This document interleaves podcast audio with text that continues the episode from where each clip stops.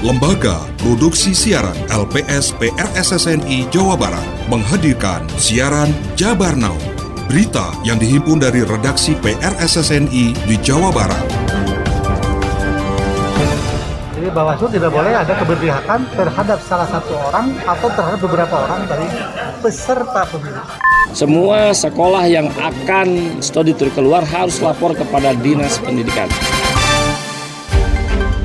Jabar Now hari ini menyajikan sejumlah informasi di antaranya.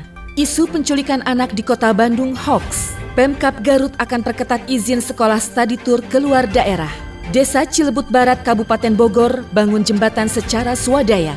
Bersama saya, Andreas Mediawati, inilah Jabar Now selengkapnya.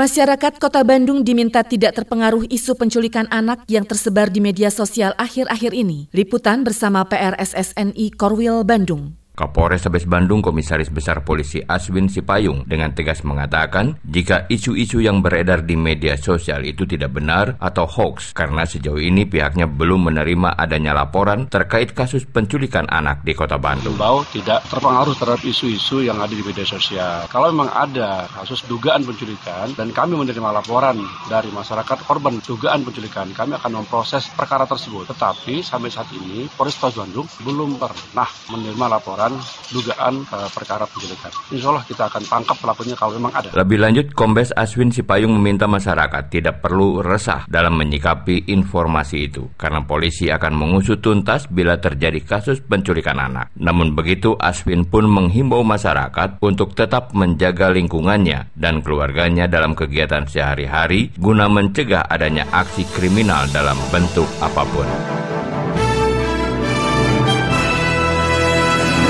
Badan Pengawas Pemilihan Umum Bawaslu Kabupaten Subang mengimbau aparatur sipil negara ASN untuk senantiasa menjaga netralitasnya pada pemilu 2024 mendatang. Selengkapnya disampaikan PRSSNI Korwil Karawang. Koordinator Divisi Pencegahan Partisipasi dan Humas Bawaslu Kabupaten Subang, Imanuddin meminta ASN di lingkup Pemkab Subang tidak terlibat politik praktis. Ia menjelaskan dengan berbagai aturan tersebut juga menjadi satu komitmen Bawaslu dalam menjalankan tugas dan kewenangannya dalam pengawasan netralitas ASN sesuai dengan amanah undang-undang. Ia juga menambahkan sudah ada aturan tegas dan jelas terkait larangan bagi ASN dalam pelaksanaan pemilu maupun pemilihan kepala daerah, sanksi bagi aparatur sipil negara atau pegawai negeri sipil yang terlibat kampanye sudah diatur secara jelas. ASN diminta tidak mengabaikan ancaman sanksi meski Bawaslu lebih mengutamakan pendekatan pencegahan. Netralitas ASN selalu dan terus menghimbau ASN harus menjaga sikap netralnya meskipun setiap ASN berhak untuk menjaga dan menyalurkan hak politik. Ketentuan netralitas ASN jelas diatur dalam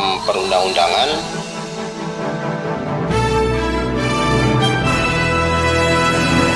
Masih informasi terkait Bawaslu dan kepemiluan. Setahun persis jelang pemilu 2024, Badan Pengawas Pemilu Bawaslu Kabupaten Pangandaran menggelar apel di halaman kantornya Jalan Raya Cibenda Parigi, Selasa 14 Februari. Berikut laporannya. Apel pengawasan yang dihadiri unsur Forkompimda itu melibatkan partai politik dan tokoh masyarakat. Koordinator Divisi Penanganan Pelanggaran Penyelesaian Sengketa P3S Bawaslu Kabupaten Pangandaran, Nur Saiful Rohmat mengatakan, apel adalah awal dari dilaksanakannya pengawasan terhadap proses tahapan sampai penyelenggaraan pemilu 2024 berakhir. Tak hanya itu, Rohmat menyebut, selain melaksanakan apel pengawasan, pihaknya juga launching pusat pelayanan pengaduan pemilu di gedung Bawaslu. Nantinya masyarakat bisa menyampaikan segala macam macam bentuk pengaduan pelanggaran mulai dari proses tahapan hingga pelaksanaan pemilu 2024 ke posko pengaduan. Pengawas sudah di tingkat desa sudah terbentuk itu bisa langsung. Kalau jauh pokoknya ke kabupaten. Nanti secara cepat juga karena kami dibatasi waktu terkait masalah penanganan pelanggaran itu pada hari itu juga ada istilah laporan cepat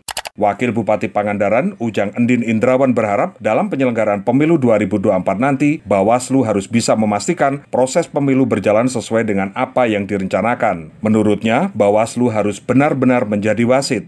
Artinya kalau wasit kan tidak boleh berpihak terhadap salah satu orang atau terhadap beberapa orang dari peserta pemilu. Mereka kan sudah disumpah.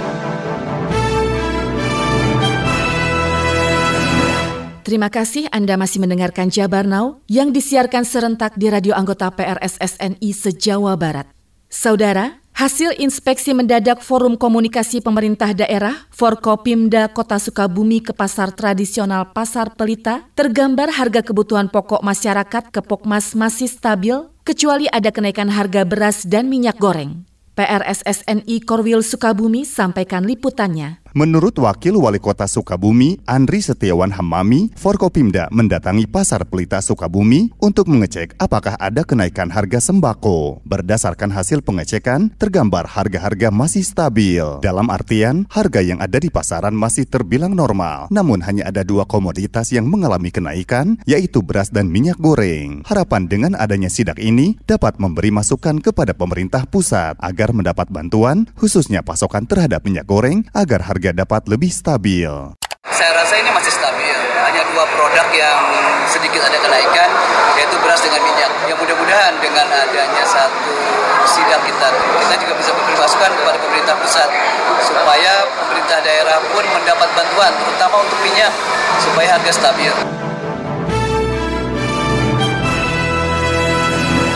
Pemkap Garut akan perketat izin pelaksanaan studi tour menyusul musibah kecelakaan lalu lintas yang menimpa rombongan siswa SMP Negeri 3 Garut saat pulang studi tour Yogyakarta. Berikut laporan PRSSNI Korwil Priangan. Penegasan disampaikan Wakil Bupati Helmi Budiman. Pihaknya akan memperketat izin pelaksanaan studi tur dan mewajibkan sekolah untuk melapor ke Dinas Pendidikan di Sedik Kabupaten Garut. Menurut Helmi, pengetatan prosedur itu semata untuk menghindari peristiwa serupa. Tapi dengan syarat yang ketat. Saya serahkan nanti kepada dinas. Jadi semua sekolah yang akan studi tur keluar harus lapor kepada Dinas Pendidikan. Nanti Dinas Pendidikan yang akan memberikan arahan-arahan terkait dengan prosedur yang harus ditempuh yang sangat ketat untuk menghindari. Senada, Kepala Disdik Garut Ade Manadin menuturkan ke depan pihaknya akan menata ulang persyaratan yang harus dipenuhi pihak sekolah sebelum menyelenggarakan studi tur. Menurut Ade, pihaknya akan mengkaji terlebih dahulu beberapa sekolah yang sudah bersurat ke Disdik Garut untuk permintaan izin penyelenggaraan studi tur. Nanti ke depan kita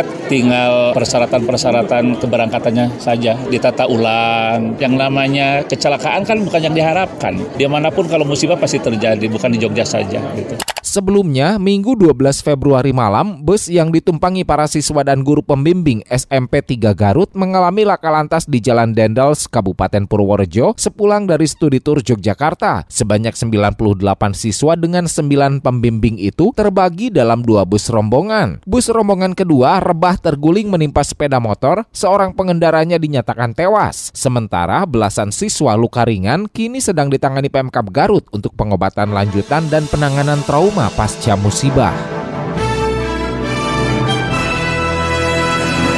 Pemerintah Desa Cilebut Barat, Kecamatan Sukaraja, Kabupaten Bogor bersama warga setempat membangun jembatan kali Pakancilan dengan dana swadaya. Jembatan ini menghubungkan lima wilayah di Kampung Bojong Sempur dan diharapkan bisa mendongkrak ekonomi masyarakat. PRSSNI Korwil Bogor sampaikan laporannya. Pengerjaan pembangunan jembatan Pakancilan dengan ukuran panjang 13 meter dan lebar 5 meter itu kini sedang dalam pemasangan besi dan rencananya pembangunan jembatan tersebut akan rampung dan bisa dilintasi oleh warga pada bulan awal Maret nanti. Kepala Desa Cilebut Barat Dasuki mengatakan pembangunan jembatan Kali Pakancilan yang menghubungkan 5 wilayah RW 06, RW 07, RW 03, RW 05 dan RW 04 yang menghabiskan dana ratusan juta rupiah itu merupakan hasil swadaya masyarakat. Konstruksi jembatan Pakancilan yang sebelumnya dibangun terlalu rendah dengan aliran sungai selain rawan terbawa arus, namun jembatan tersebut banyak tumpuk menumpukan sampah yang menyangkut, sehingga pemerintah desa dan masyarakat berinisiatif membangun jembatan tersebut tanpa bantuan dari pemerintah. Sebetulnya memang jembatan masyarakat sejak dulu, namun pada saat itu dibangunnya terlalu rendah